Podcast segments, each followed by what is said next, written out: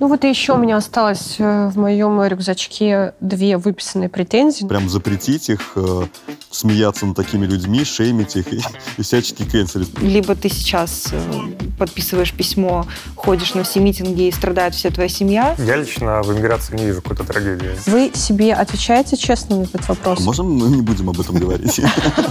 Но вырезать мы это тоже не будем.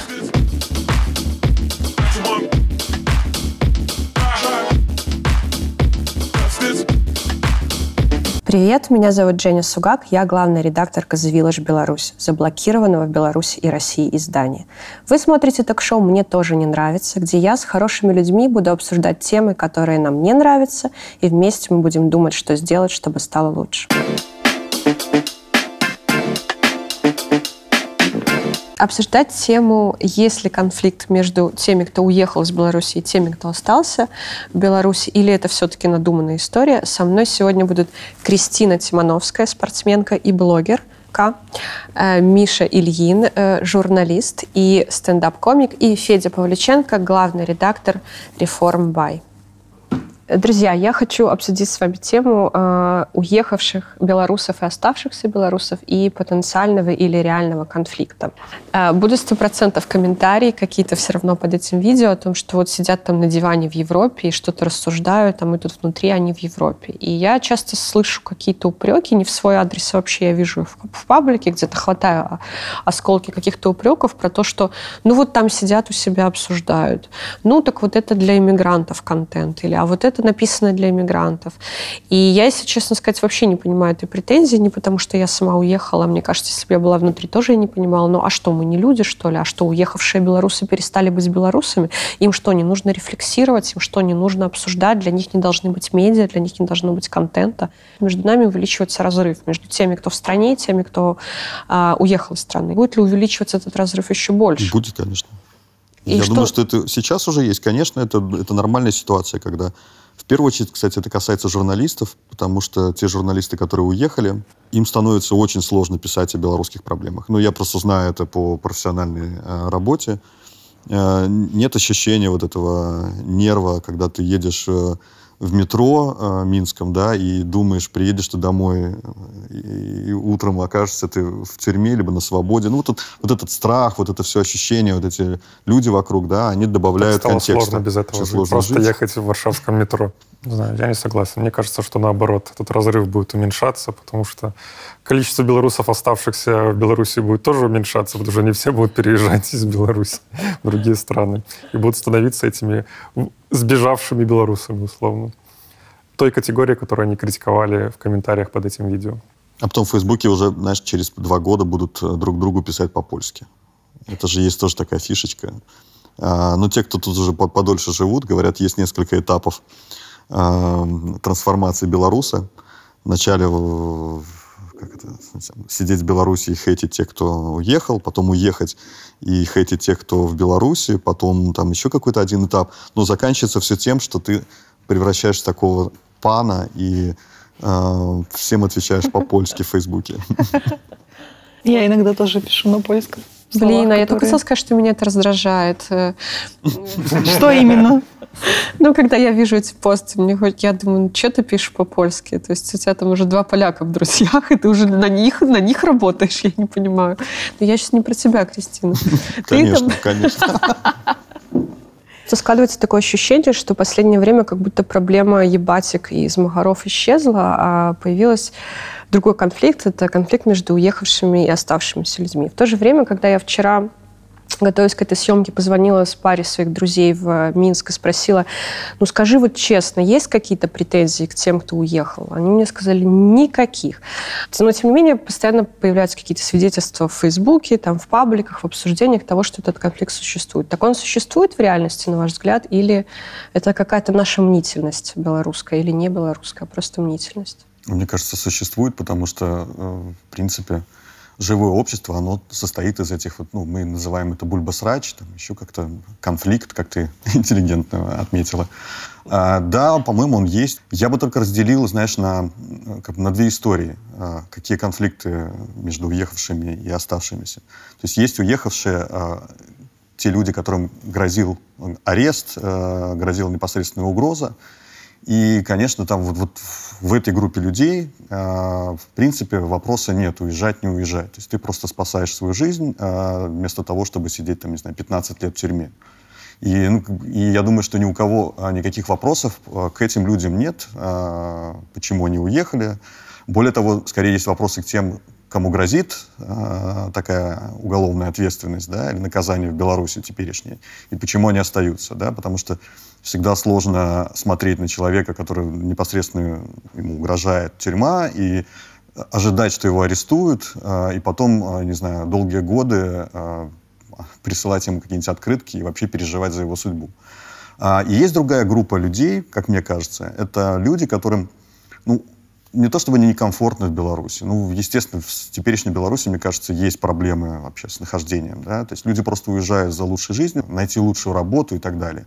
есть люди, которые остаются в Беларуси. мне кажется, конфликт основной между ними. Есть не то чтобы такой конфликт, а вот э, желание поспорить э, или объяснить себе, почему я уехал, и защитить себя, допустим, да, и объяснить себе, почему я остался, и опять же, защитить, защитить себя. Окей, ну а если вот э, как-то сформулировать эти претензии, вот какие претензии конкретно есть у уехавших к оставшимся и у оставшихся к уехавшим?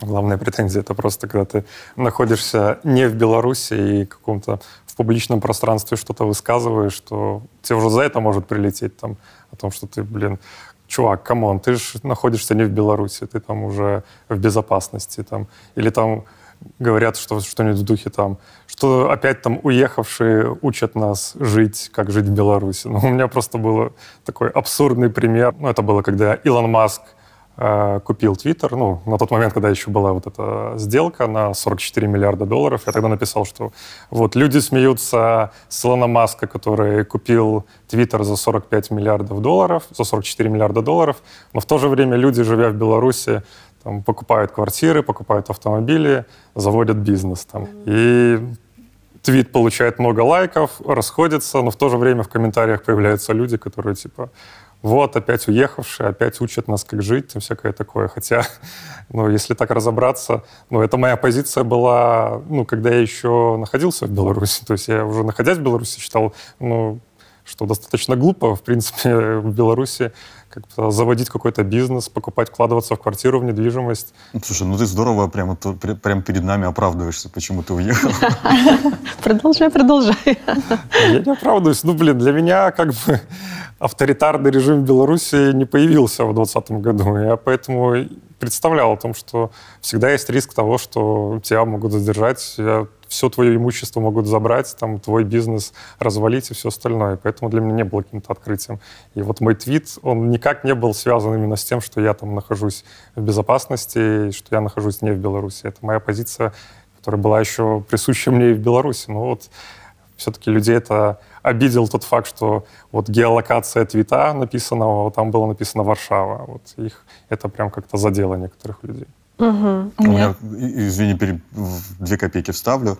Э, это у меня много таких, э, ну, много, несколько человек, которые в Беларуси э, до, условно, отъезда были, ну, не то чтобы тише воды, ниже травы, но очень фильтровали то, что они говорят, то, что пишут.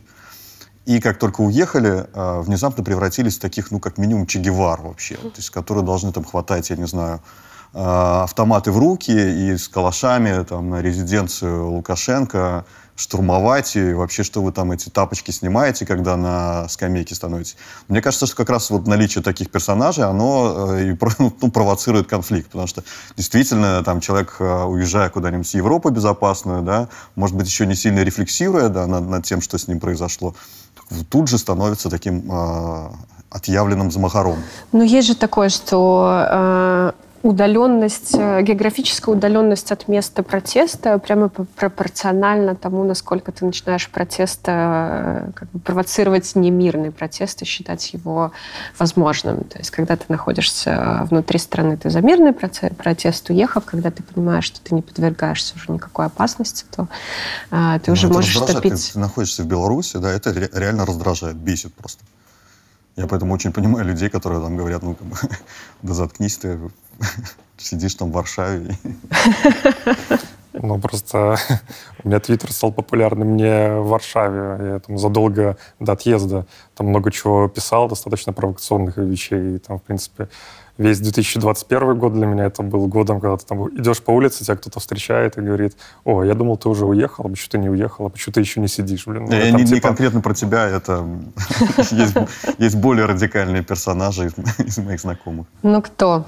Давай Ой, ну не буду я называть э, фамилии, потому что... Ну ладно, я спрошу через 20 минут еще. Я могу сказать, что так бывает, что но даже на моем примере до ситуации, которая случилась со мной, я не была настолько известна, чтобы какое-то любое там мое высказывание, либо насчет выборов, э, насчет протестов в Беларуси, либо еще каких-то до этого были известны за пределами моего круга общения. То есть я могла высказывать свое недовольство в кругу своей семьи, в кругу сборной, в кругу своих друзей, но об этом никто не знал потому что у меня и не было такой большой популярности в Инстаграме.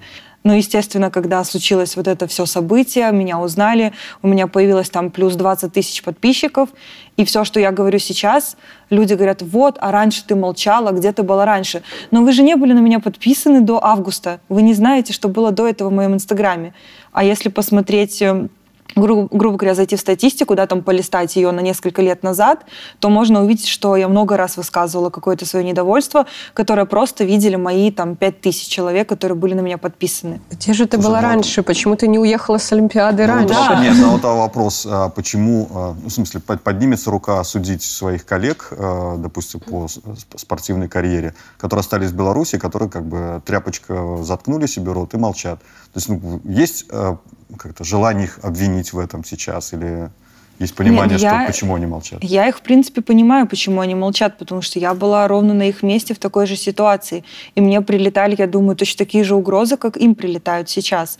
Но у меня иногда просто бывают порывы, например, вот как началась война в Украине, и у меня был просто дикий порыв, э, что я думаю, ну, боже, ну неужели вы будете даже сейчас молчать? Убивают людей, с нашей страны летят ракеты, невидные люди вообще гибнут. И я позволила себе там высказывание в адрес сборной, что хотя бы просто поддержите Украину. Даже не обязательно этом какими-то постами. Там. Я знаю, что у каждого человека в белорусской сборной есть э, друг из сборной Украины поддержка какая-то, финансовая да, поддержка, моральная поддержка, хоть что-то. Все, что я видела, это абсолютно полнейший игнор. Ребята дальше продолжали э, выступать на соревнованиях, улыбаться, как ни в чем не бывало. И еще имели наглость некоторые писать мне, типа, что ты там себе позволяешь, ты там у себя сидишь, э, у тебя там все хорошо, сиди дальше. У нас здесь и так не так все красочно, как ты думаешь, и мы не хотим высказываться, чтобы сделать еще хуже. Я им задаю вопрос, ну, ребята, но у вас же есть друзья в Украине, вы же понимаете, им тяжело. Вы можете что-то сделать, хоть как-то им помочь а они отвечают, что а нам тогда кто будет помогать, если мы им поможем, мы выскажем свое недовольство, поддержим их как-то, об этом узнают, нас уволят, и что тогда нам делать? Кто нам будет помогать? Я бы хотела немножко вернуть вас к претензиям со стороны уехавших, оставшихся. Я вот выделила четыре да, из тех, которых я собрала, и вот я бы хотела, чтобы вы их прокомментировали. Э, первое – это претензия уехавших э, оставшимся о том, что они не выходят, э, не сражаются, не а, платят налоги режима, поддерживают а, режим э, своими деньгами. Вторая это как или лучше мы по очереди будем, а то вы забудете. Э, да, забудем. Я посмотрела на вас, что-то у меня небольшие ожидания, если честно. Простите, ребята. Ну, во-первых, белорусы выходили на протесты все равно первые дни войны. Там, ну, это были немногочисленные протесты, ну, то есть в один из дней, по-моему, там до тысячи человек. Это было ну, достаточно отважное решение людей выйти, потому что все-таки ну, там последовали репрессии, прям всех, кто там был, там посадили на сутки, ну, там минимум на 15 суток, если не ошибаюсь. Но любой адекватный человек понимает, что выходить в Беларуси на протесты, но это такое прям какое-то миссионерство. То есть ты стопудово сядешь. С моей стороны такого претензии к тем, кто остался, вообще нет. То есть Мне я такое кажется... слышал только вот в первые дни войны, то это там в первые, там, может, неделю-две со стороны, возможно, только украинцев, когда они говорили, что типа вот вы, белорусы, там отсиживаетесь, с вашей страны летят ракеты, а вы там ничего не делаете. Мне кажется, что стоит учитывать то, что большинство, которые могли бы выходить, уже давно уехали. Вот эта претензия, она какая-то, мне кажется, а, взаимная. Эта страна говорит, вот что вы там сидите, режиму потакаете, не, не свергаете его, а вторая страна говорит, вы что, с ума сошли, приезжайте и делайте революцию, если вы такие умные. Мы тут э, и так рискуем. Об этом мне сказал э, человек из Минска вчера, когда мы разговаривали, что да, очень раздражает, когда люди, которые уехали, начинают подначивать тех, кто остался в стране на какие-то действия, при этом абсолютно ничем не рискуя такое? Ну, как это? Люди за границей считают себя такими полководцами. А полководцы же принимают сложные решения, а, бросают солдат на амбразуру, и без этого приказа не будет победы. Я, честно говоря, не очень понимаю э, саму проблему с этими призывами выходить на протест, вообще в какую-то, знаешь, как самоценность э, протеста как такового. Это какое-то бессмысленное действие. Ну, то есть давайте мы там в знак протеста себе каждый отрубит руку, да, и мы тем самым, наверное, одержим моральную победу. Ну, то есть это глупость какая-то. То есть в 2000, 2020 году это был рациональный выбор, поэтому так много людей э, вышли на улицы, потому что появился реальный шанс э, каким-то образом своим присутствием на улице повлиять на политическую систему. То есть она даже, можно сказать, немножко зашаталась, да. Я вообще за какие-то рациональные действия, потому что, конечно, есть там, условно, диссиденты, люди, которые не в состоянии э, смириться с тем, что происходит, и вот человек разрывает настолько, что он э, не может э, молчать, да, там, не знаю, как в Советском Союзе выходили там в 68 году против вторжения в Чехословакию люди. То есть они понимали, что им, ну, просто краем вообще, сразу же э, посадка. Требовать сейчас от белорусов обычных, которые пытаются выживать, э, выходить на улицу, но это аморально. Согласна, но это уж такое, типа, прям радикальный какой-то, как радикальное требование. В то же время постоянно э, генерируется какое-то количество инициатив, агрегаторов, э, там, платформ какого-то участия людей внутри страны во всем этом, ну, направленных в какой-то степени на там, протестное движение. В то же время, когда люди в стране уже боятся прочитать читать э, новости в Телеграме, потому что им может даже за это прилететь.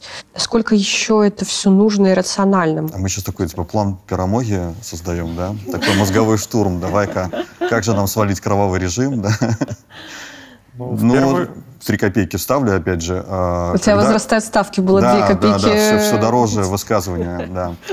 А, а вы получается... скинули деньги уже, Федя? Я надеюсь, что, что меня ждут, да. Надо же как на что-то жить в Варшаве. Я бы вообще хотел поговорить, если тогда уже про какие-то претензии, что какая ответственность лежит на ну, людях за границей, э, которые находятся в безопасности за все, что должно произойти с нашей страной, ну, это уже другая тема. Ну, я про смысл протеста, но в целом, возможно, им, если мы говорим про антивоенные протесты, то, конечно, был смысл в самом начале это делать, когда вот реально был вот этот огроменный хейт в сторону белорусов в целом, там, и со стороны украинцев, даже ну, там, поляков даже были какие-то моменты о том, что вот вы, белорусы, не выходите, вот вы, и все остальное. Ну, то есть такой идеологическая составляющая, показать, что вот мы что-то делаем для Украины, мы против этого. И в этом был какой-то смысл в первые дни, как, в принципе, протест и был. Но сейчас выходить я считаю, уже нету из этих соображений смысла, потому что белорусы и так доказывают то, что они против войны своими действиями. Ну, там, например, там тот же э, там, батальон Костуся Калиновского, то есть и другие там э, военные формирования в Украине, в которых состоят белорусские добровольцы и в целом какими-то инициативами волонтерскими. Ну вот и еще у меня осталось э, в моем рюкзачке две выписанные претензии, но я хочу обязательно подчеркнуть дисклеймером, что это не мои претензии ни в коем да случае. ладно. Это проблема моего друга. Да, отчасти то, что говорил Миша, что оставшиеся в стране белорусы часто считают, что у уехавших нет больше прав высказываться, что если вы уехали, вы э, и вы уже не рискуете, вы уже, может быть, не такие белорусы. Пиши на польском Зеленском и критикует Дуду. Да, да. Ну, мы все знаем историю, помним, когда у нас э, один наш белорус покритиковал Дуду косвенно, работая на Белсате. Чем это все закончилось? Успешным бизнесом в Варшаве и в Берлине. То есть мы можем сделать, перескочив несколько э, пунктов, можно сделать, что критиковать Дуду, в принципе, может и неплохо. Ну, это начало стартапа хорошее. Я такую историю еще помню когда-то в Фейсбуке у Тани Замировской много лет назад. Да, она что-то там в какой-то писала пост про какую-то тусовку в ботаническом саду, и кто-то ей писал, что право... А, Филипп Чмырь ей писал в комментариях, что право критиковать она ничего не умеет, потому что она вообще уже не в стране. Вы как люди уехавшие. Ну, Миша комментирует, мы уже поняли. Когда вы начинаете что-то такое писать, вы чувствуете, что у вас есть какой-то внутренний уже, может быть, зажим о том, что меньше у меня уже на это прав? То есть смогли вас в этом убедить или нет? Я вообще считаю, что э, если ты уехал, и у тебя появилось больше возможностей что-то говорить, то нужно говорить. Потому что на моем примере когда все произошло со мной, а, были такие страны, которые брали у меня интервью, и они говорили, а у вас что, год назад в Беларуси вообще что-то было? Мы даже не в курсе. Когда люди уезжают, они должны больше говорить, чтобы как можно больше людей во всем мире вообще знали о существовании Беларуси, о том, что происходит в Беларуси, потому что это как информационная война. Я бы хотела поговорить сейчас немножко про ваш личный опыт, вашего личного отъезда. Ну, опыт Кристины мы все знаем. Вы сейчас должны спросить, а как что за случилось? один день потерять все и не обрести ничего? Или самая быстрая пробежка в моей жизни? Новый твит. Хорошая шутка. Смотри, Миша, Кристина уже твой хлеб забирает. Как добраться в Польшу через э, Японию? Я ее не остановить, видите. Федя уезжал дважды. Первый раз ты уезжал в 2010 году, второй раз ты уезжал в каком? 21-м? Правильно? Ну вот расскажи, что, как это складывалось тогда, как это складывалось сейчас, э, когда было тяжелее уезжать? Сколько раз ты готов еще уезжать? Во второй раз уже было намного проще, потому что ты знаешь, что нужно положить в рюкзак, э, когда быстро уезжаешь. В первый раз я уезжал практически с площади э, в 2010 году, в декабре, в 19 декабря это все случилось. Ночь я провел в романтических раздумьях, глядя, как арестовывают всех моих коллег, и решил, что, наверное, мне не очень нравится сидеть в тюрьме. А, взял компьютер, выключил телефон, и вот это весь мой багаж был. И выехал из Беларуси. Мы разминулись с группой захвата, они пришли ко мне домой, к моим родителям. Мне родители успели позвонить, и я просто, не, идя домой, не дошел, развернулся и куда-то там вдаль снежную уехал. Ты уезжал э, каким-то классическим способом за рулем или на пассажирском сидении, или это было? Ну, сейчас уже, наверное, можно рассказывать. Я несколько дней проторчал на э, квартире, о которой никто не знал. В принципе, не подключался даже в интернет. Ну, изредка только, чтобы себя не засветить. А потом приехали мои друзья из Москвы, забрали меня на машине, вывезли а, сначала в Москву, а потом уже поездом я въехал, выехал в Евросоюз, в Ригу, в Вильнюс, и в Вильнюсе остался. Потом 6 лет в Литве. А, появилась надежда, что а, страна немножко изменилась, что появились мозги у власти, и поэтому она не собирается загонять в сталинский ГУЛАГ страну. Я приехал, меня никто не, не трогал. Я смог даже открыть собственные медиа в Беларуси, работать какое-то время. Но оказывается, у нас как-то такая Беларусь, у нее цикл 10 лет. Через 10 лет обязательно должен случаться очередной, а, не знаю, как матерное слово только можно подобрать под это. Матерное слово подходит, Можно, да? конечно. Ну, пиздец, случается в Беларуси. Вот. Ну, а во второй раз уже проще было. Ну, первый раз, прости, можно уточнить, это было не в багажнике? Ну, да? нет, границу я переезжал, конечно, в багажнике, но там мы как-то очень удачно выбрали момент. Очень удачно выбрали автомобиль с большим багажником. С багажником, да. Это было страшно лежать в багажнике? Что ты чувствовал в этот момент? Ну, это был такой первый опыт э, массовых репрессий. То есть вот уже в 2020 году, честно говоря, не было это чем-то оригинальным. А тогда, когда всех твоих коллег, арест, коллег арестовывают, э, ну, довольно страшно. То есть страшно от того, что куда страна сваливается, и что, в принципе, у тебя очень быстро пере, пере, меняются мозги, ты сразу про просчитываешь, что будущего нет. То есть вот все, будущего нет, то есть у тебя какая-то была жизнь налаженная со своим ритмом, со своими, не знаю, там, собственностью, с планами, с родителями, с дачей, там, и шашлыками на даче майскими, да, но это все одномоментно разрушается, и ты очень быстро должен перестроиться под новую реальность. И тогда уже это, ну, это не страх, когда голова это все обсчитывает, то тогда уже просто действуешь как робот. Я думаю, меня отпустило где-то месяца через три, наверное, только. У тебя было беженство, от которого ты потом отказался? Да, ну, спасибо Литве предоставила беженство. Как и тогда, так, как, как, как тогда, так и сейчас э, Литва делает очень много для белорусов, которые вынуждены бежать от режима. Ну и про Польшу я вообще молчу. Это страна, которая, в принципе, э, становится второй родиной, настолько душевно к белорусам относятся, во всяком случае, относились до последнего времени. Это Федя хочет, видно, жительство получить. Нет, я, я на самом деле так думаю. Я думаю, что если бы, ну, представь, если бы мы были каким-нибудь уйгурским, э, уйгурским автономным округом, да, и, и куда ты там сбежишь. И твой второй отъезд, как он происходил? Я как бы свидетель по большому уголовному делу, но все мои коллеги после одного-двух допросов по этому делу оказались э, в тюрьме. Я же еще подписал э, как это, бумажку о неразглашении, поэтому, видишь, я до сих пор не разглашаю. Может быть, у нее уже прошел какой-то срок годности? Не знаю, не знаю. Давай проверим. Ну, подтолкнул меня Роман Протасевич, спасибо ему большое. Он как раз в этот момент прилетел в Беларусь. Он прилетел, я вылетел на следующий день. Последним рейсом, рейсом лота а так можно было? Да. Да, не обязательно было в Токио ехать, Кристина, для того, чтобы приехать в Польшу. Ты жалеешь о том, что ты вернулся в Беларусь тогда? Я ни о чем не жалею. Я просто понимаю, что э, ну, нам так не повезло всем, что мы э, родились в Беларуси. Ну, вот такая судьба у белорусов. Каждые 10 лет пиздец, и поэтому э, давай весь свой бизнес-цикл выстраивай в эту схему.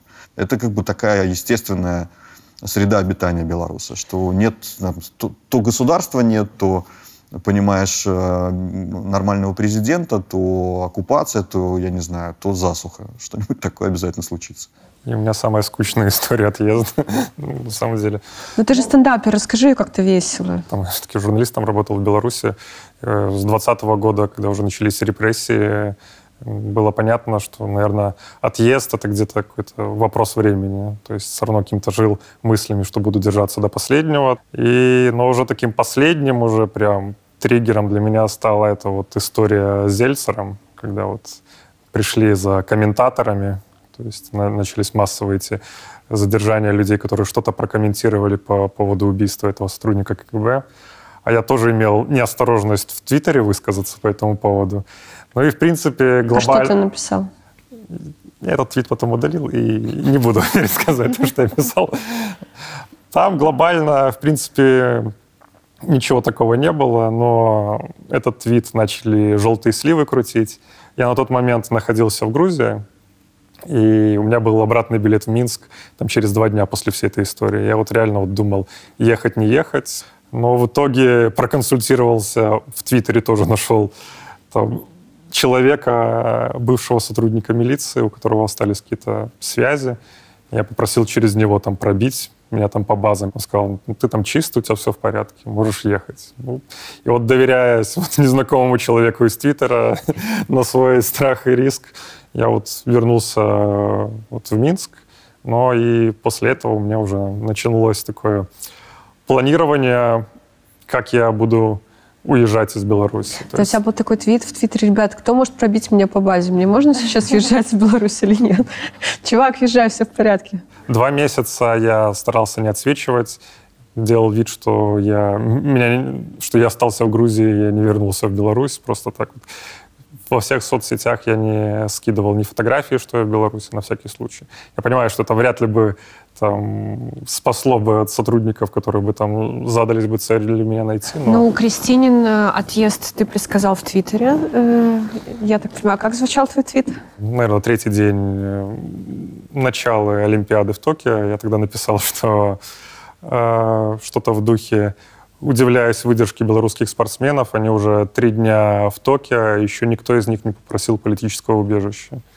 Вот, проходит несколько дней, и вот этот кейс Кристины я тогда дополнил, ну, понадобилось чуть больше дней. Но вы себя чувствовали где-то, может быть, в глубине души, например, предателями или, может быть, трусами? Были у вас такие, если по-честному, такие ощущения? Был момент, что я поняла, что я, возможно, все это время была трусом, потому что не побоялась подписать письмо э, в поддержку остальных спортсменов. Где-то удалила свои посты, потому что на меня надавили и начали угрожать. Где-то, возможно, опять же, хотела высказать свое мнение, но не высказала, потому что тоже забоялась. Да, я уехал полгода назад, я и так, мне кажется, максимально долго находился в Беларуси при всех там обстоятельствах, учитывая там сферу моей деятельности. Так что у меня таких ну, претензий в свою сторону я так глобально не слышу. Нет, я не чувствую себя ни, ни предателем, ни трусом. И вообще, в принципе, э, для меня это такая, такое, знаешь, технологичное решение. Ну, то есть ты видишь альтернативы, какие есть, и выбираешь э, ту, которая, на твой взгляд, взгляд тебе более выгодна. Будет э, чуть полегче в Беларуси. Надеюсь, это достаточно скоро случится, а может быть не скоро.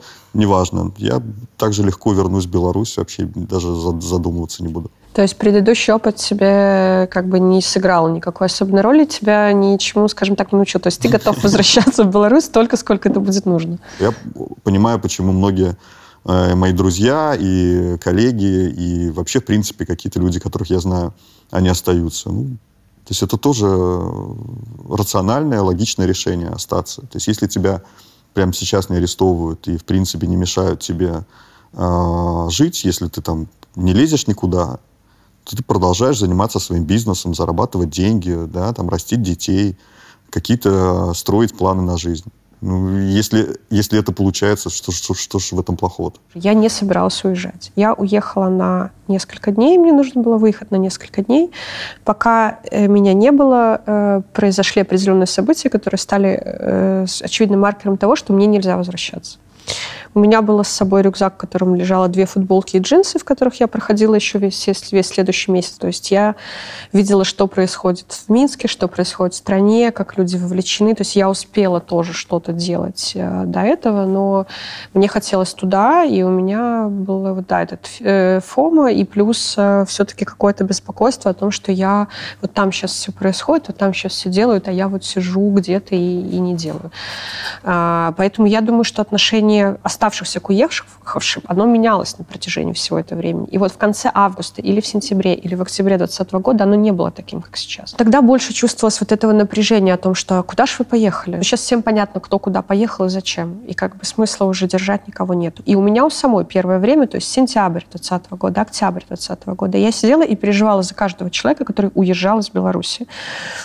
Потом я начала понимать, что может быть и хорошо. Сейчас я думаю о том, что все, кто хочет, все должны уехать, не страдать и не мучиться. Просто все это время я брала ответственность не только за саму себя, но и, в принципе, за всю свою семью, потому что если бы я была одна, если бы не было там мужа, больного отца, мамы, брата, который только-только поступил в университет и хотел дальше учиться, то, в принципе, я бы, наверное, с самых первых дней там уже стояла в первых рядах и кричала, как я ненавижу здесь все и ненавижу эту власть. Но у меня просто за плечами была еще вся моя семья. Отец инвалид, которому, которому нужно было помогать. А, в то время как раз случилось так, что когда я начала первые там какие-то посты э, выкладывать в Инстаграм, ходить на митинги, родители об этом узнали. Естественно, у нас начались в семье большие ссоры. И получилось так, что у отца в этот момент просто случился инсульт на фоне стресса. И я просто поняла, что любые мои действия могут привести к тому, что отец просто может умереть из-за меня. Поэтому и из-за этого в том числе тоже я где-то молчала, из-за угроз, которые постоянно поступали э, в адрес не только мой, но и в адрес в целом любого спортсмена вообще в нацкоманде. А в чем заключаются эти угрозы? Просто что мы не допустим вас э, там к соревнованиям, к тренировкам, или это какие-то более серьезного Это уровня угрозы? Я всегда говорила, если не хотите меня посылать на соревнования, пожалуйста, ну, проживу без соревнований. Уволите из сборной, не беда. Я живой человек, у меня есть высшее образование, две руки, две ноги, я пойду работать. Но когда уже угрозы касаются семьи, вот тогда уже начинаешь задумываться. Они потеряют работу. У меня на тот момент и так только мама работала, отец уже не мог работать, он уже с инвалидностью. Брат э, только-только исполнилось 18 лет, поступил в университет. Правда, в итоге он уже там не учится. Спасибо большое тем, кто это сделал. А, после всего случившегося, через 4 месяца мама заболела раком. И на данный момент она все еще болеет, лечится, находясь там, в Беларуси. Брата прям сразу практически забрали служить. То есть ему даже не дали учиться. Я не хотела брать на себя ответственность за семью, не хотела а, им навредить, но получилось так, что сделала то, чего не хотела сделать. А, но они тебе предъявляли какие-то претензии за это? Возможно, в каких-то моментах они говорили, что если бы не ты, то брат бы сейчас учился, если бы не ты, там мама была бы, возможно, здорова. Все ее лечение это какое-то довольно тяжелое и странное. Маму ни разу не ложили в больницу, ей все время приходилось ездить из Климович в Могилев. А, то есть она находится дома, ей назначают химию, она в этот день едет э, на машине, просим кого-то там из родственников или из знакомых, платим деньги за то, чтобы маму свезли. Она приезжает в Могилев, ей делают химию, она отлеживается там два часа, и через два часа едет обратно в Климовичи. То есть один такой день обходится где-то 150-200 рублей, просто заплатить человеку, чтобы ее свозили на химию, привезли домой. Плюс это не просто типа а съездил и вернулся на обратном пути после химии очень плохо ехать. Они, им нужно ехать где-то 160 километров, они едут по 5-6 часов потому что постоянно останавливаются, потому что у мамы то озноб, то жар, то еще что-нибудь там похуже, и каждый раз это очень тяжело. И вот 8 поездок по 200 рублей – Плюс э, папа не работает, брат э, тоже в армии не работает, ни, никаких, ну, то есть нет абсолютно никакого дохода. Доход на всю семью 500 рублей, папины, там, это инвалидности и все. Я так понимаю, что э, ты как бы говоришь о том, подводишь к тому, что это какая-то месть со стороны государства. Я не знаю, возможно, а, там просто, как, как объяснили нам, что в больнице просто нет мест, чтобы положить маму, и так многие лечатся. То есть на данный момент настолько много раковых больных, что просто не хватает мест. Но ты жалела потом, когда вот брата отправили в армию, когда тебе начали обвинять в, кос... в том, что ты косвенно виновата в том, что заболела мама. Ты жалела о том, что ты сделала или нет? Нет, я об этом ни разу не пожалела. Безусловно, что мне неприятно то, что брату не дали доучиться, то, что его забрали. Как бы я хотела, чтобы он получил нормальное образование, пошел, работал по своей специальности. Мама, надеюсь, тоже вылечится, поставим ее на ноги, и тоже станет все нормально. Ну, это жизнь, бывает всякое. Мы же все знаем историю Кристины, что человек стал просто персональным врагом а, того самого а, правителя белорусского. И ну, это, это страшная история. В принципе, одного этого примера было бы достаточно, чтобы вся страна просто взяла и съехала оттуда. Мучайте друг друга сами. Самое интересное, что мне много раз э, говорили, что я не поеду на Олимпиаду. Сколько раз меня вызывали и угрожали тем, что меня не возьмут. Я говорила, хорошо, ну не берите, ну что. Жизнь обломалась на том, что я не пойду на Олимпиаду. Ну, взяли, побежал, ошиблись. Побежал бы лично Витя Лукашенко. Да come on, соревнования, это их еще будет миллиард в моей жизни. Поэтому их эти угрозы, когда они там говорили про соревнования, это было несерьезно. Но когда они затрагивали семью, ну, тогда уже приходилось понимать, что либо ты сейчас э, подписываешь письмо, ходишь на все митинги и страдает вся твоя семья, а ты потом должен думать, как тебе их содержать всех. И придется идти работать, и не знаю, на скольких работах, потому что очевидно, что со сборной сразу увольняют. Как уволили Кравченко, как уволили Куделич, Арзамасову. Кравченко еще и отсидел. Хорошо. Друзья, вернемся к э, тем, кто остался сейчас в стране. Э, кто-то говорит, что это смельчаки, кто-то говорит, что это конформисты. Что вы думаете? У меня были люди, очень много, очень много людей писали в Инстаграм, да, спрашивали, а, как вообще уехать, как здесь живется, сложно, несложно, как искать работу. И многие писали, что вот мы хотим уехать, но мы просто боимся, что у нас ничего не получится. И люди просто, они не понимают, как можно начать все с нуля, и они этого боятся. Мне кажется, возможно, э, просто потому, что мы белорусы, и мы как-то не приучены к этому, э, как-то так мы выращены, что вот у нас есть э, там свои, да, там, грубо говоря, 500 рублей, все, мы будем на них жить и ничего не будем менять в своей жизни просто потому, что мы боимся что-то изменить. Типичный, годами навязанный мигрантский такой вот этот стереотип, что куда я поеду, кому, кому я там нужен. Но мне кажется, что сейчас можно задаваться вопросом, а кому я нужен в Беларуси. Ну, слушай, репрессии, несмотря на то, что они такие массовые, они все-таки не касаются там 10 миллионов человек, да. и, в принципе, рассуждать в логике, что как бы хорошо уехать и плохо остаться, ну, это такая порочная логика, ну, если так разобраться. Mm-hmm. Все-таки как бы, каждый человек выбирает там, где ему лучше. Если у тебя нет прямой угрозы там, жизни, здоровью, то назвать конформизмом э, желание жить, я не знаю, а в, в каком-нибудь маленьком хорошем белорусском городке или да, там, замечательном Минске, да, ходить по этим улицам любимым, на которых ты вырос, э, с детства их знаешь, ну, это такая большая ценность. А смотреть «Озаренка» не иронично. Смотреть «Озаренка» не иронично, опять же, да. Сама вот эта возможность встретить Гришу на улице, она же дорогого стоит. Я бы многое отдал, чтобы встретить его на улице. Варшавы. Где угодно. А, но к чему я это все а, хотел сказать? А, мне, мне не кажется, что вот эта идея что, что ее вообще, вообще нужно как-то так педалировать, что уезжайте, уезжайте, что как бы, в принципе успех заключается в том, чтобы уехать. Нет, ни, ни, ни черта подобного. Ну, моя позиция, она тоже довольно скучная, потому что каждый имеет право уехать, каждый имеет право остаться. Это должен решать сам человек. Э, но я хочу немножко вот вернуться к этому конформисту и смельчаки. То есть ты говоришь, нельзя назвать конформистом человека, который живет в маленьком белорусском городе и ходит по любимым улицам. Но, как я полагаю, что люди, которые так говорят, имеют в виду, что вот этот человек был против режима, был против власти, каким-то образом с этим боролся, и потом он э, остался жить с этим режимом, с этой властью, принял условия, Э, этого режима и этой власти, э, да, опять же, платит налоги, живет по его правилам, ничего не может говорить, ничего не может читать, потому что вся пресса, э, вся, все СМИ независимые заблокированы. Я как раз об этом и говорю, что я не осуждаю людей, я не думаю, что все должны быть революционерами и, знаешь, такими трибунами, лидерами, которые рвут на себе рубаху, идут вперед и как Данка сжигают сердце.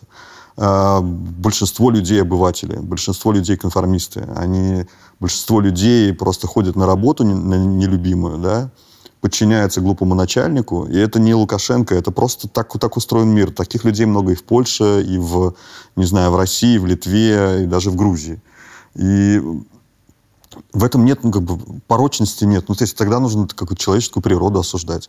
Другое дело, что Э, страх, есть страх э, сделать свою жизнь лучше, да, можно в этом как-то над этим смеяться, но для многих людей действительно даже там на небольшой зарплате вы, выехать за границу и начинать все с нуля, ты прямо оказываешься в условной жабке, да, это польский такой сеть магазинов, да, самая примитивная работа, ты становишься продавцом в жабке.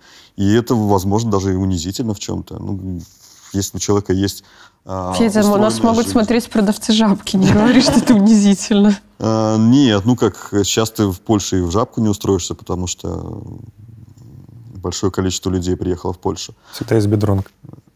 Ну вот, в бедронке только ты уже карьеру сделал, считай, да. Не, на самом деле вообще любая работа достойна уважения, будь то дворник или директор фирмы. Это понятно, да. Только вот если бы я пошел работать дворником, я бы, конечно, бесконечно уважал бы свою работу, но, наверное, где-то у меня внутри нет, ну а, понятно, Где-то да. бы червячок какой-то грыз бы меня, да. Есть люди, которые прорываются в любой реальности, а, в любой ситуации, но тут тоже нужно отдавать себе отчет, что а, миграция — это путь э, к такой не самой богатой жизни. У нас было как-то с мужем разговор, он такой говорит, вот, э, всех клиентов растерял, когда уехал за мной. А, тут нач... на... все с нуля нужно начинать, нужно искать новых клиентов. Я говорю, слушай, а что будем делать, если не будет вообще клиентов? Он говорит, ну что делать, пойду таксистом работать. Это что, сидеть что ли? Нет. Я говорю, ну таксист так себе работа, ну а что сделать? Хорошая работа. Не, ну если нет другого варианта, то... Я уже вижу ваш разговор, вырезанный на желтых сливах. Прямо...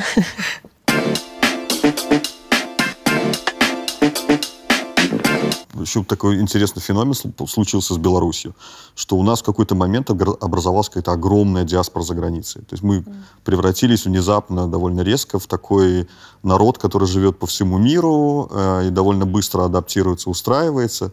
И мне кажется, что, опять же, это в доводы про то, что не все так плохо, что, может быть, этот спор и хорош сам по себе между оставшимися и уехали, уехавшими, но видеть нужно перспективу. То есть мы теперь э, получаем такой какой-то колоссальный ресурс по изменению страны. То есть они уже были, эта диаспора, в 2020 году, ее не было, условно, в 2010 году, да, вот там люди, которые уехали в 10-м, окрепли за 10 лет и смогли э, профинансировать и штрафы, и репрессии, э, оплатить какие-то расходы людей, которые попали под репрессии. Что будет, я не знаю, следующий переломный момент, как я их называю, вот этот цикл э, пиздеца белорусского. То есть у нас будет уже какое-то огромное количество за, за границей, да, которые заработают деньги и смогут вообще-то профинансировать любые действия в стране внутри. Возможно, мы тоже когда-то думали уехать, но мы думали, что мы уедем, и мы будем одни, нам никто не поможет, что здесь нет нету такого большого количества белорусов, что можно куда-то обратиться, а, с кем-то там посоветоваться, не знаю, там даже заплатить какие-то деньги да, за, за помощь.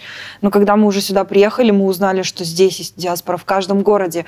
И когда я общаюсь со своими друзьями в Беларуси и рассказываю, они говорят, а мы даже, ну, понятия не имели о том, что это есть. Они это не знают, а, им это никто не рассказывает, а их до, до сих пор продолжают кормить тем, что да вот они все в Польшу едут, там нет работы, они работают там вот на клубнике, им там платят копейки, они там ходят, побираются, потому что они многие реально так думают.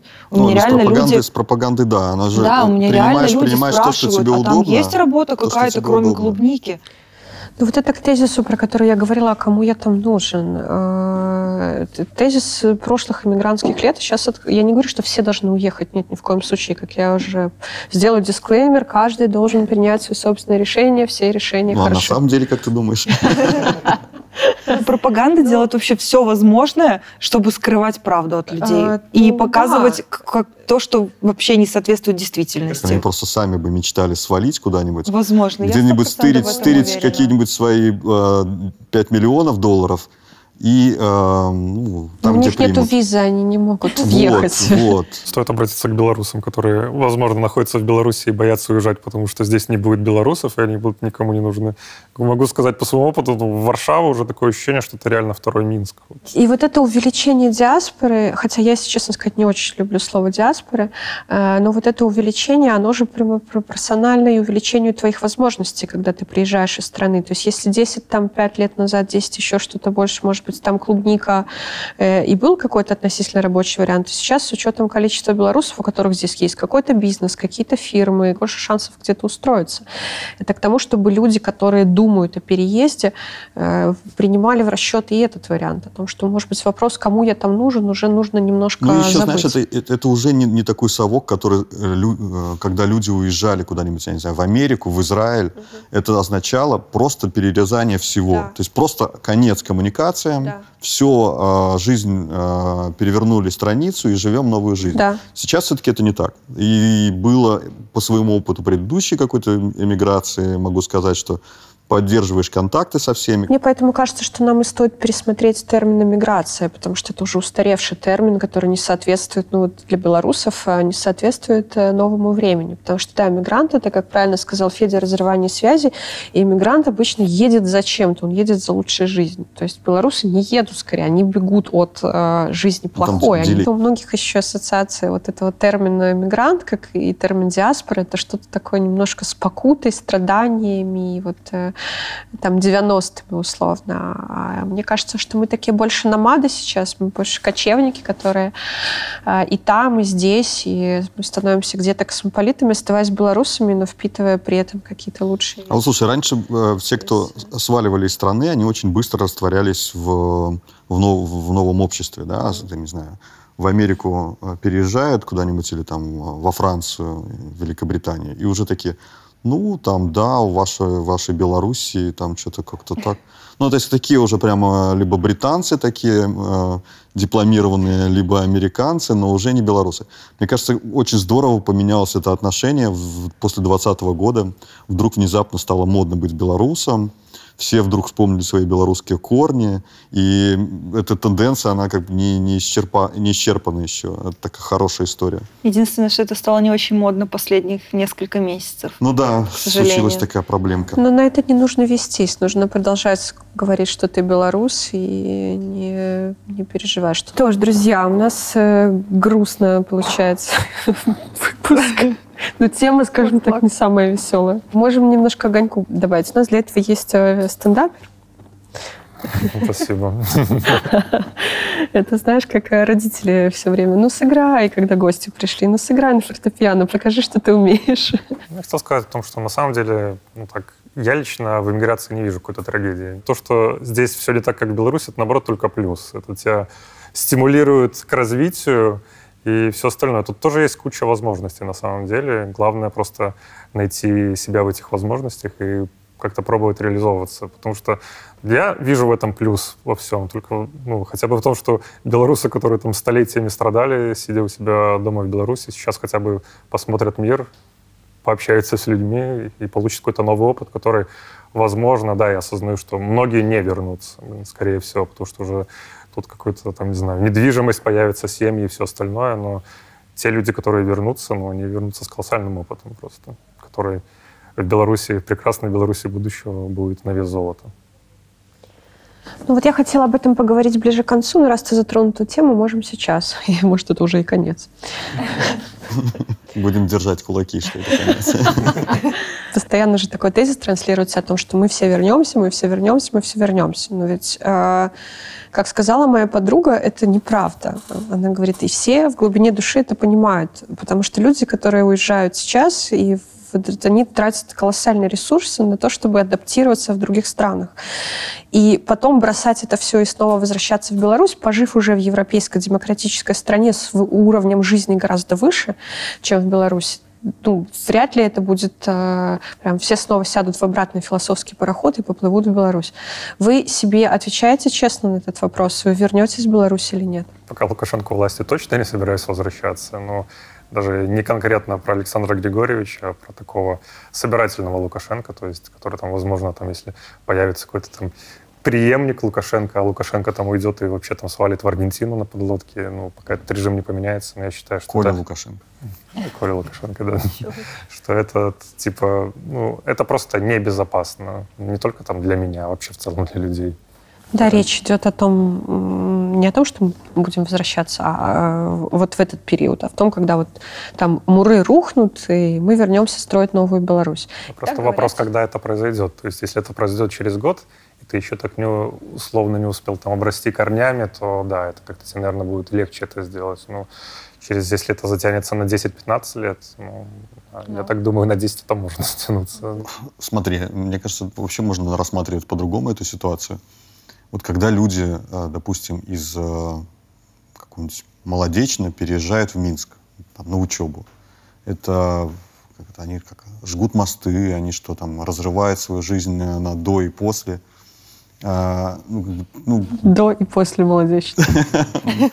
Человек живет в новой реальности, там, в городе Минске, да, приезжает э, на свою малую родину, возможно, даже и вернется когда-нибудь туда. Э, мне кажется, что это э, хороший пример того, как могло бы быть с белорусами, а, которые уехали за границу из Беларуси.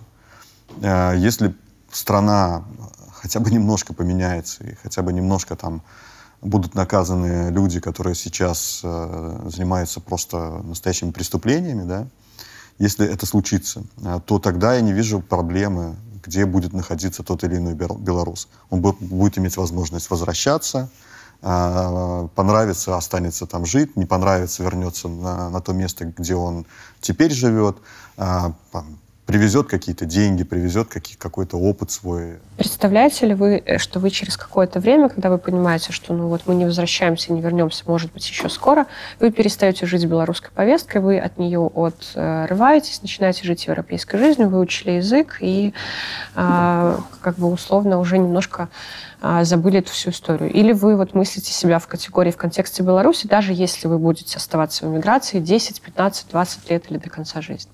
Ну, тогда, безусловно, придется строить свою жизнь здесь, потому что нельзя сидеть все время дома и ждать, боже, когда там уже что-то изменится, и я наконец-то вернусь домой. Все это время, пока я жду, я ничего не буду делать.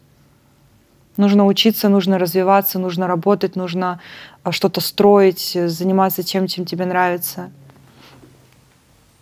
глобально представить себя не в белорусском контексте уже как-то мне сложно, лично мне. Ну, потому что, во-первых, работа с этим, даже условно там, окей, там, уйду из журналистики, не буду этим заниматься, но уже столько связей и всего остального, как-то и родственников, и друзей в Беларуси, все равно ты этим живешь, как-никак, как ни крути.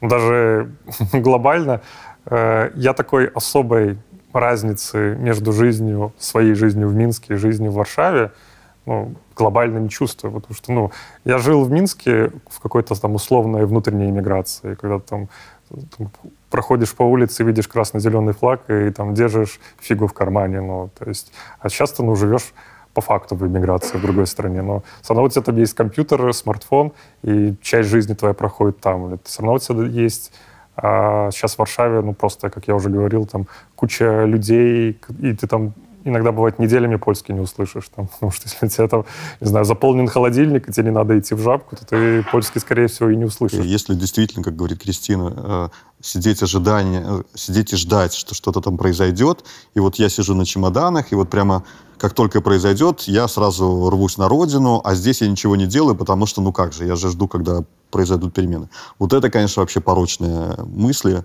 Прям запретить их, э, смеяться над такими людьми, шеймить их и, и всячески кэнселить, потому что, ну... Наши любимые шеймить. Ну, потому что, ну, ну, ну что, это, это детский сад, это такая инфантильность. А жить белорусской повесткой, оставаться белорусами, чувствовать, э, кто ты, да, по, по, по рождению, по культуре, на мой взгляд, э, важно это сохранить. Важно, чтобы я говорил об этой диаспоре, о той большой диаспоре, которая получилась за границей. Важно, чтобы она осознавала себя белорусской диаспорой, занималась лоббированием, занималась белорусской повесткой, помощью тем людям, которые оказались в сложной ситуации в стране. И это называется жить белорусской повесткой. Если это называется жить белорусской повесткой, то я буду в этом э, всегда. Но сидеть на чемоданах и ждать, когда что-то произойдет, и я быстренько поеду обратно домой, нет, это смешно. Здесь видишь, опять же, разность, разность э, времени, когда кто приехал. Потому что когда я приехала, опять же, в конце августа, первые несколько месяцев мы конкретно этого ожидали. То есть мы не занимались документами совершенно. То есть у нас были какие-то визы, которые мы понимали, что в скором времени закончатся, но мы пальцем, палец не ударяли, не лежали в сторону э, каких-то, какой-то легализации каких-то документов. Мы не учили польский. Меня радовали люди в 2010 году, вернее, 10, 11, 12 год, это же был тоже вот в какой-то, может быть, вы не входили в это гражданское общество, которое а, очень болезненно переживало репрессии, а, там, разгром площади и так далее. Мне было 14. Ну да, было 14. Я а была в Климовичах, я даже не знала, что что-то происходит, позор, честное слово. Позор, было я об этом узнала только недавно, мне рассказали, что было в 10 угу. и я просто была в ужасе, я реально не знала. У нас в Климовичах, я уверена, никто не знал об этом. Ну, действительно, это не так было массово распространено. Я о другом хотел сказать. О том, что в это же самое время э, какие-то молодые ребята, талантливые, э, создавали стартапы, пусть там в рамках этого ПВТ, пусть там еще где-то, да, находили какие-то безумные деньги. И именно в этот момент родились самые известные э, IT-проекты, которые мы знаем вообще все и гордимся ими. То есть это тоже очень правильный подход. То есть вот страна вроде как погружается в такой темный мир, да, на какие-то там 2-3 года, да, и в это же самое время те самые там какие-то талантливые ребята светлые реализуют себя не в стране. Они тогда находят деньги за границей, где-то каких-то инвесторов, и создают то самое новое будущее, которое в конце концов э, вывело страну к 2020 году. Я очень надеюсь, что прямо сейчас где-то сидит очередной э, не знаю, там какой-нибудь будущий миллиардер белорусский, который сидит и прямо сейчас не плачет и не ждет на чемоданах, когда там наконец режим пойдет, а прямо создает будущее Беларуси своими руками прямо сейчас. Многие, многие люди, которые уезжают, они уезжают с какой-то мотивацией, особенно первое время, о том, что вот внутри Беларуси что-то страшно делать невозможно, потому что очень сильные репрессии, ну вот я уеду и смогу как-то э, помогать, влиять на повестку. В то же время есть мнение от людей, которые остались в стране, что и, и невозможно влиять на повестку внутри, невозможно ничего особенно сделать, если ты находишься снаружи. Что вы про это думаете? Люди, которые уехали, они действительно могут э, влиять, какие-то изменения вносить, или это иллюзия? Вот, я всю эту передачу топлю как раз за эту идею. Я думаю, что как раз только это во многом а, повлияет на то, что происходит в Беларуси. То есть наличие таких людей, вот это, а, людей за границей, которые себя осознают белорусами, которые хотят изменений в Беларуси, которые могут повлиять на а, каких-нибудь, я не знаю, лидеров своих странах, где они живут. А, И плюс у нас какой-то невероятный бонус. Э, возможно, это, это все, что с нами в 2020 году случилось, оно должно было случиться только для того, чтобы появилась Тихановская, которая находится за границей, которая представляет, э, пусть не, не всю Беларусь, но какую-то часть точно представляет. И даже эта ситуация с э, войной, когда режим Лукашенко фактически стал соучастником агрессии, а, у России такого представителя нет. То есть вот те русские, россияне, которые не согласны с режимом Путина, которые выезжают из страны, они оказываются в катастрофической ситуации. Вообще их никто не представляет. У нас есть крепкая диаспора теперь уже. У нас есть политический лидер, который представляет э, какую-то часть белорусов и может высказываться. И это, мне кажется, вообще очень крутой, крутая история. То есть это проявит себя, ну, если не в самое ближайшее время, то, во всяком случае, в истории точно останется эта зарубка, галочка, что вот в Беларуси был такой этап, который помог в будущем э, стране стать нормальной. Я, кстати, в последнее время видела очень много претензий в адрес как раз-таки Тихановской насчет того, что ее уже не видно, она уже ничего не делает, что она опустила руки. Я с этим не согласна, но реально очень много людей в моем окружении так говорят. Наверное, процентов, не знаю, так уже 60-70. Ну, хорошо, это же, опять же, живая дискуссия. Белорусы, э, европейские люди, дискуссия, это всегда прекрасно. А, мне, мне ну, не то чтобы бесит, раздражает скорее, когда люди живут э, как инфантилы. Вот как бы вот я хочу, чтобы пришла Тихановская, mm-hmm. прилетела там на голубом вертолете и как бы порешала все проблемы мои. Вот я хотела закончить, что, что при этом они сидят, ничего не делают и ждут, когда кто-то что-то уже там сделает наконец-то за нас, за всех. Да, мой близкий друг э, рассказывает мне постоянно эту историю. Я уже ее слышала шестой или седьмой раз. Наверное, он все-таки ждет, что хоть раз я ее перескажу. И возмущусь по этому поводу э, про видео, которое он видел в Штатах, где выступала Тихановская, и вы, выскочил какой-то мужчина с плакатом «Белорус», который бизнесмен из Чикаго, что-то такое, и начал говорить, да что вы сделали, до чего вы добились, э, да где деньги, и вот это вот все. И как бы, да, мой друг, моего друга очень возмущает вот эти претензии к Тихановской, и он э, беспокоится, что белорусы начали многие, ну не многие, но какая-то часть э, немножко терять вот это понимание, кто есть э, Тихановская, и что она вроде бы не должна там особенно ничего. Но Нужно отдельную передачу сделать и хейтить Тихановскую там два часа. Блин, а у нас была передача на прошлой неделе, мы ее хвалили. Хвалили, да? да. А, все проплачено, все, все понятно с вами. Но э, мы можем с э, брать Федя еще отдельную передачу на канале. Где ты работаешь? А, канал Sense. Подписывайтесь на наш канал. Я надеюсь, это не, вы, не вырежут из этой передачи. Э, ну, мы не вырежем, мы просто вставим тебе «мне тоже не нравится» э, вместо «сенс». И так и пустим. Да, и подписывайтесь на «мне тоже не нравится». Отличный стартап. Очень интересно. Спасибо, Федя. Я надеюсь, про будущего миллиардера, который сидит и сидит, это ты говорил про... Про тебя. Про меня. Спасибо. Мы разговаривали с э, одним человеком, и он сказал, что у, есть категория людей, белорусов, у которых, возможно, найдутся претензии к, которым, возможно, найдутся претензии и у тех, кто уехал, и у тех, кто остался. Это белорусы, которые уехали из Беларуси, но ничего, например, все это время не делали э, по повестке, а потом, когда мы даже... Ситуация вообще очень топическая, тут сослагательное наклонение на сослагательном наклонении, но тем не менее, а потом, когда все случается, они возвращаются в Беларусь условно на как бы все готовое. Все, что сделано... Э, непосильным трудом. Непосильным трудом, чужими руками. То есть, например, ты приходишь там делать пикник на полянке, ладить, а там э, насорно. И ты такой, ой, я не хочу тут пикник делать. Ушел, кто-то другой убрал, ты пришел и пледик расстелил. Что вы думаете по этому поводу? Можно включить Наталью Радину и повестку о том, что э, ты уезжаешь из Беларуси, ты уже, даже если ты ничего не делаешь, ты уже не платишь Беларуси налогов и не спонсируешь режим. Так что уже вклад каждого человека важен, даже такой. После цитирования Натальи Радиной я просто замолкаю и как это, ухожу из эфира. А я думала, мне придется как-то это комментировать, или Федя сам скажет. Что это была шутка? Миша, ну ты не должен э, унижать свои шутки маркировкой тем, что это шутка. Все так понимают их. Всегда можно заменить. Ладно, окей. Не Наталья Радина, а Степан Путила.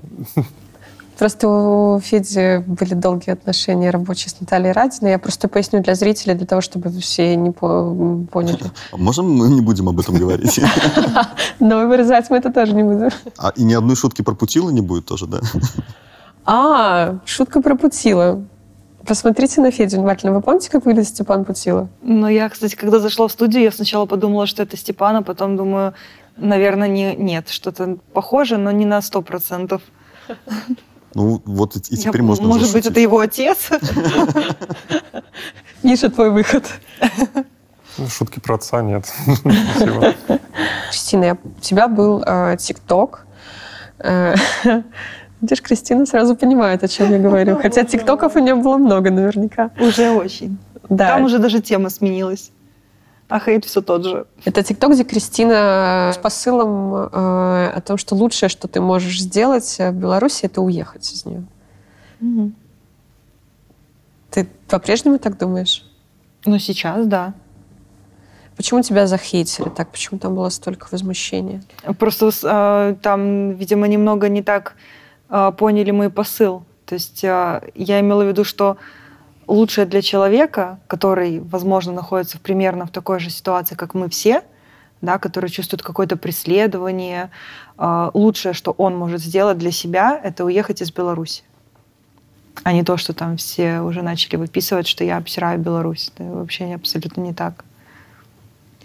Ну, вот это то, о чем мы сегодня разговариваем. Вроде бы как бы конфликт э, не слишком очевидный, но, тем не менее, любые упоминания э, чего-то подобного, вот как в Кристинином посте Там или было, как а что-то уехала и закрой свой рот, что-то типа такого. Ну, я так понимаю, что либо там, как, как у нас любят... Во-первых, если посмотреть комментарии, то, мне кажется, можно найти как минимум 50 комментариев слово в слово одинаковых. О чем это говорит? Ну, то есть это боты. Но что мысли сходятся. Э, Кристина написала вот этот пост про то, что лучшее, что можешь сделать, это уехать. И в то же время люди, которые оставались в стране, писали посты «я остаюсь». Это было такое достаточно, ну, такое громкое заявление «я остаюсь» и какое-то объяснение, почему. Что это было? Почему люди писали эти посты? Это было какая-то немножко уколоть тех, кто уехал, э, или это было какое-то самоутешение? Э, не знаю, ли это, это было желание поддержать всех, кто остался рядом своим примером? Понимаю, тенденцию на то, что я остаюсь, то Лукашенко заложил в этом всем. Да? Э, о чем ты сейчас? О выборах 2020 года. А! Извините, что приходится пояснять свои шутки. Все-таки да. Но тут эта проблема не в тебе, проблема во мне лишь. Я вижу эту проблему исключительно через призму адекватности восприятия угроз а, или их отсутствия. То есть если человек считает, что а, ему ничто не угрожает, вернее, что-то угрожает, но риск не минимальный, да, если он принимает решение остаться, я его понимаю. Если, если ничего не грозит, я не вижу проблемы оставаться в Беларуси. Как, в принципе, если бы я была уверена, что я приеду в Беларусь и со мной будет все нормально, даже если меня выгонят из сборной, но все будет нормально, меня не запрут в психушке, в тюрьме или где-нибудь еще, и я просто смогу дальше жить как обычный нормальный человек, я бы поехала, полетела в Беларусь. Если там человек условно принимает для себя решение, что, например, окей, я остаюсь в Беларуси, но и буду следовать каким-то там правилам условным, то вот этого я не понимаю, потому что ну, уже за два года понятно, что, в принципе, никакой модели поведения в Беларуси не существует, ну, за которые тебя не посадят в Беларуси. Потому что ну, людей там за БЧБ носки сажают. Ну, это, и поэтому люди, которые говорят, что я буду там пользоваться правилами какими-то, ну, Олег, come on, правил нет. Есть люди, которые там, там не знаю, там условные даже правозащитники, которые до последнего не уезжали и которые сейчас сидят, но они для себя ставили такую буквально цель не уехать. Они знали свой риск. Ну, даже, не знаю, там, не правозащитники, Мария Колесникова, самый такой яркий пример. Ну, это уже каждый должен там оценивать этот поступок. Ну, не хочется критиковать, но я считаю, например, бы... Ну, не то, что критиковать, но я бы так не поступил. Находясь даже за границей, но в безопасности, это может сделать больше, чем сидя в тюрьме. Мне кажется, что Колесникова, если бы уехала, то она могла бы стать очень сильным лидером и очень много чего сделать. И, возможно, это была ее самая большая ошибка, то, что она сделала. Может быть, она уже даже сама об этом пожалела. Но мне кажется, что мы просто потеряли очень достойного лидера. А я не согласен. Мне кажется, что Мария поступила, как считала нужным, и она отдавала себе отчет, какие риски, и поступила правильно. А, у кого-то хватает, у кого-то хватает, там условно там желез, э, э, железных яиц а, поступить, такого-то не хватает.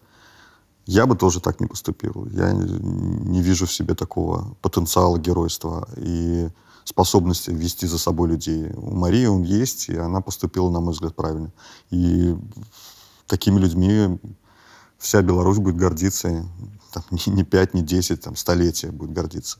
А, мне здесь сложно быть полностью беспристрастной, потому что моя некоторая э, аффилиация со штабом Виктора Бабарика, она достаточно э, ну, как бы где-то очевидно, где-то известно, но, э, конечно, я считаю, что такой поступок должен был быть совершен просто для того, чтобы такой поступок в мире был, потому что это что-то вообще outstanding. То есть просто для того, чтобы войти в историю, и мы знали, что такое факин случается. Но... Сделать это раньше Навального. Она положила начало этой э, тенденции. Навальный, Саакашвили. Маша постоянно говорит, что она об этом не жалеет, и я думаю, что она говорит правду. Но, конечно, я думаю, с, с, уже с моего пункта гледжання, что когда она это делала, у нее была немножко не та картина, да, не та информация. Потому что когда она это делала, это было начало сентября 2020 года. Вспомните, что происходило в начале сентября 2020 года. Да, это каждый день люди на улице, независимо от того, воскресенье это нет. Это люди, которые возле министерств вызывают министров, кричат им что-то, которые возле ОНТ стоят э, с плакатами «Покажите Окрестина», когда бастуют э, рабочие. Я не знаю, что бы сделала Маша, если бы это был условный уже декабрь или январь или февраль. Наверное, то же самое. Пускай бы она вышла скорее, вот что я скажу. У нас есть рубрика «Уже лучше».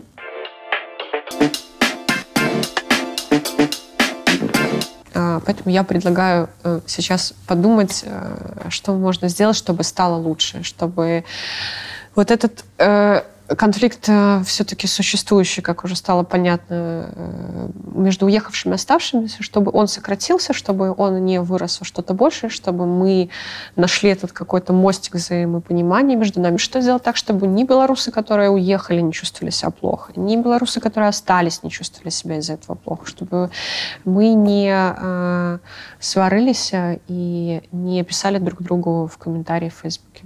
Удалиться из Фейсбука. все, расходимся. Уже отвечать надо, да? Да, ну никакой специальный сигнал не нужен, Федя, это можешь всегда говорить. Да, очень, очень вежливые в этот раз гости. Как обычно все там просто перебивают, а тут такие все культурные собрались. Мне кажется, что э, мы должны поспорить, э, спор должен состояться, все должны высказаться, перегореть, да, но в итоге вот эту ответственность за страну, знаешь, пафосно очень звучит, ответственность за страну, она должна сохраняться у всех. То есть если люди в Беларуси а, не согласны с режимом, но опасаются по каким-то, по многим причинам высказываться, а, что-то делать, а, как-то себя проявлять, а, то, значит, большую активность должны проявить те люди, которые имеют такую возможность, те, кто находится за границей. Но это должно оставаться единым организмом. И как только появится окно возможностей, какой-то шанс повлиять на ситуацию в Беларуси, изменить там ситуацию, а, должны быть готовы, в первую очередь, люди за границей, поддержать, а, организовать все, этот, вот, знаешь, а, административную работу, организационную работу провести. И только в этом какой-то выход. Но то, что мы спорим, это, по-моему, отлично. Как мне кажется, то, что я наблюдал, те споры, которые я видел, они выглядели следующим образом. Были комплексы или там, чувство вины у людей, которые находятся за границей. И они пытались это все сублимировать в, в спор, в обвинение. И такие же проблемы были у людей, которые вступали в этот спор, находясь в Беларуси. И это ну, достаточно смешно. То есть как бы ты Э, получается, свои проблемы, свои комплексы, свои переживания, свое желание, возможно, уехать, да, сублимируешь в обвинение в э, тех, кто уехал. Но если в этом причина спора, то давайте разберитесь самих себе. Просто покопайся в себе, поскреби там, поковыряй, и, возможно, тебе просто нужно уехать, чтобы прекратить э, э, засирать головы другим. Ну, а как решать вопрос? Два человека находятся в разных странах, и они подраться не могут. Так что использовать те инструменты, которые есть. Да что ты мне сделаешь, я в другом городе. Но у нас было э, такое важное, да, вот это общее, то, что родилось э, после лета 2020 года, э, которое нас э, прямо примирило на долгое время, что все срачи в Фейсбуке на любые поводы закончились надолго. Потом, когда они снова появились, я подумала, о, ну вот, оттепель пошла. Почему любовь белорусов к белорусам так быстро проходит? В любой политике. Это не только белорусов проблема, а в первую очередь в политике. Вот есть стиль, ничего не происходит, э, никаких таких важных э, историй не происходит – возникает какое-то огромное количество споров. Как только появляется этот шанс, все разногласия пропадают, исчезают просто моментально. Все сразу, ну, просто рациональные люди понимают, что вот сейчас нужно вложиться, приложить усилия, отбросить все противоречия, и, возможно, результат будет. Вот как только все видят этот э, точку, эту, да, в, там, э, свет в конце, тоннеля, споры исчезают. Как только э, опять более-менее какая-то там рутина болота, да, э, споры появляются. И это, по-моему, такое естественное человеческое э, проявление натуры человеческой. Ну да, может, не нужно переживать, э, что белорусы с белорусами где-то срутся, что мы между собой сремся, но у нас как будто бы есть какой-то сверху ментор, который постоянно приходит и на это э, где-то э, намекает или вставляет. Это тоже какой-то красной линии, которая прошита все таких, в таких выражениях, что а это вот белорусы как обычно, а это вот бульба-срач, а это вот еще... Ну, это же тоже прекрасно. Должен быть такой ментор. Каждый пускай отыграет свою роль. Круто, что мы становимся нормальной европейской нацией. Ну, больше эмоций, да. Белорусы такие, мягко говоря, не эмоциональные. Котики. Да, хоть, хоть в срачах этих проявят себя. А нам будет журналистам о чем писать и снимать видеошоу. Класс. Подписывайтесь на канал, ставьте лайк. На какой канал? Э, Еврорадио Лайф. И... И это мы вырежем. Мне тоже не нравится. Подписывайтесь, ставьте лайк и расскажите всем друзьям обязательно. Это поможет собрать большее количество просмотров. И Потрясающий споров. гость. И споров. Э, если вы еще хотите что-то сказать, говорите сейчас или не говорите никогда, потому что у нас осталось э, совсем мало времени. Может, вы не договорили? Кристина есть, она, насколько я понимаю, один из, э, как это, обладатели того э, ядерного топлива, которое поджигает срач любых комментов. А, а тебя задевает то, что пропаганда про тебя пишет? Ты читаешь это? Видела там Озаренок, что-то пытался, пыжился. И есть такие люди, которые э, выражают свои чувства да, через какие-то оскорбления. Так вот мне сказали про Озаренка, что когда ему девушки нравятся, он начинает тут их постоянно чем-то задевать, оскорблять. Интересно, как? Ждем признания Озаренка, где он сделает опровержение и скажет, что девушке ему не нравится. Все хейтеры, которые отпишутся от Кристины Тимановской, подписывайтесь на канал «Мне тоже не нравится». Кем бы вы хотели быть, э, когда вырастете в Новой Беларуси? Ну, я хотел бы а, заниматься тем же, чем я занимаюсь сейчас, и хотел бы создать в Беларуси популярное медиа и находиться в Беларуси, иметь возможность разместить редакцию в Минске, а, вывесить большой баннер а, на окне, что здесь находится редакция Реформ Бай. Тоже заниматься тем, чем я занимаюсь здесь. Только без угрозы того, что тебя могут за тобой в любой момент прийти и посадить. Я бы хотела развивать спорт в Беларуси, но не профессиональный, а именно любительский. В идеале я бы хотела какую-то а, школу спортивную, где могли бы заниматься вообще люди, там, от, начиная от малого и до самого вообще какого, какого только возможно возраста, хоть 60, хоть 70 лет. Вот. Ну, работать именно в этом направлении. Спасибо, что досмотрели это видео до конца. Надеюсь, что вам было интересно. Большое вам спасибо за ваш фидбэк по предыдущим выпускам. И я очень надеюсь, что вы не забудете подписаться и написать в комментариях, что вы думаете по поводу темы, которую мы сегодня обсуждали.